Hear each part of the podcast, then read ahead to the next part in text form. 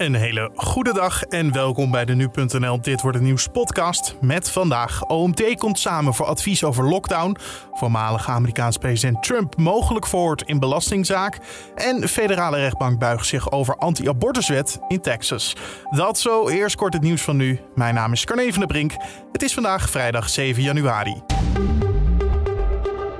Demissionair minister Hugo de Jonge heeft tegenwoordig dagelijks te maken met bedreigingen en intimidatie. Die vinden ook steeds vaker rond zijn huis plaats.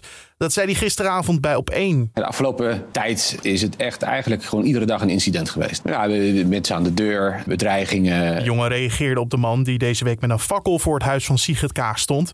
En bij de coronaminister staat tegenwoordig een politiepost. Daardoor voelt hij zich veiliger. Het opendraaien van de gaskraan in Groningen is onbegrijpelijk. Dat vindt onder andere de Groninger Bodembeweging. Ze vinden dat het ministerie van Economische Zaken en Klimaat met de veiligheid van Groningers speelt.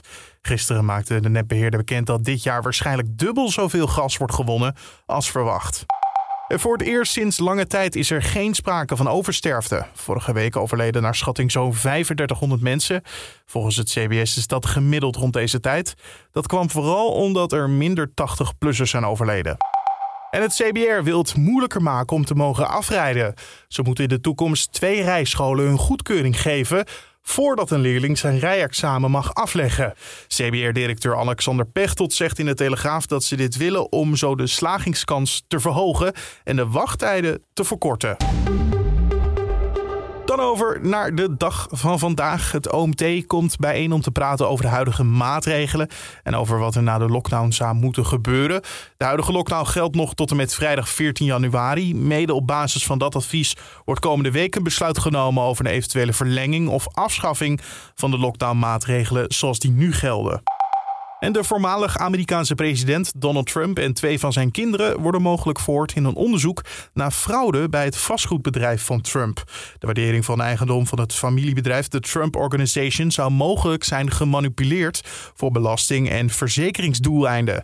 Ivanka en Donald Trump Jr. werden maandag gedagvaard door de aanklager die de zakelijke belangen van de oud-president onderzoekt.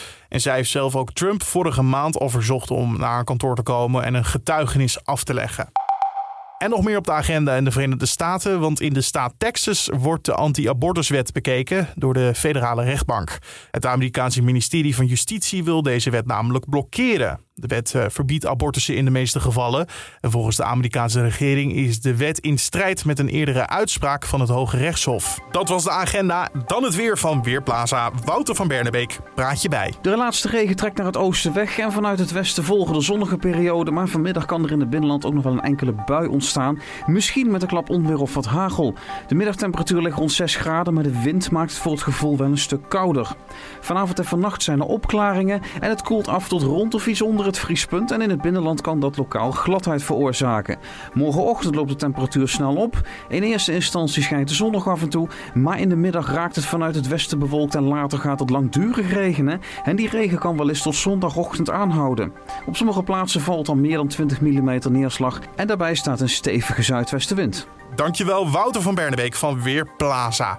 En tot zover deze Dit Wordt Het Nieuws podcast voor de eerste week van januari. Mijn naam is Carne van der Brink. Ik hoop dat je een fijne dag hebt vandaag en natuurlijk een prachtig weekend.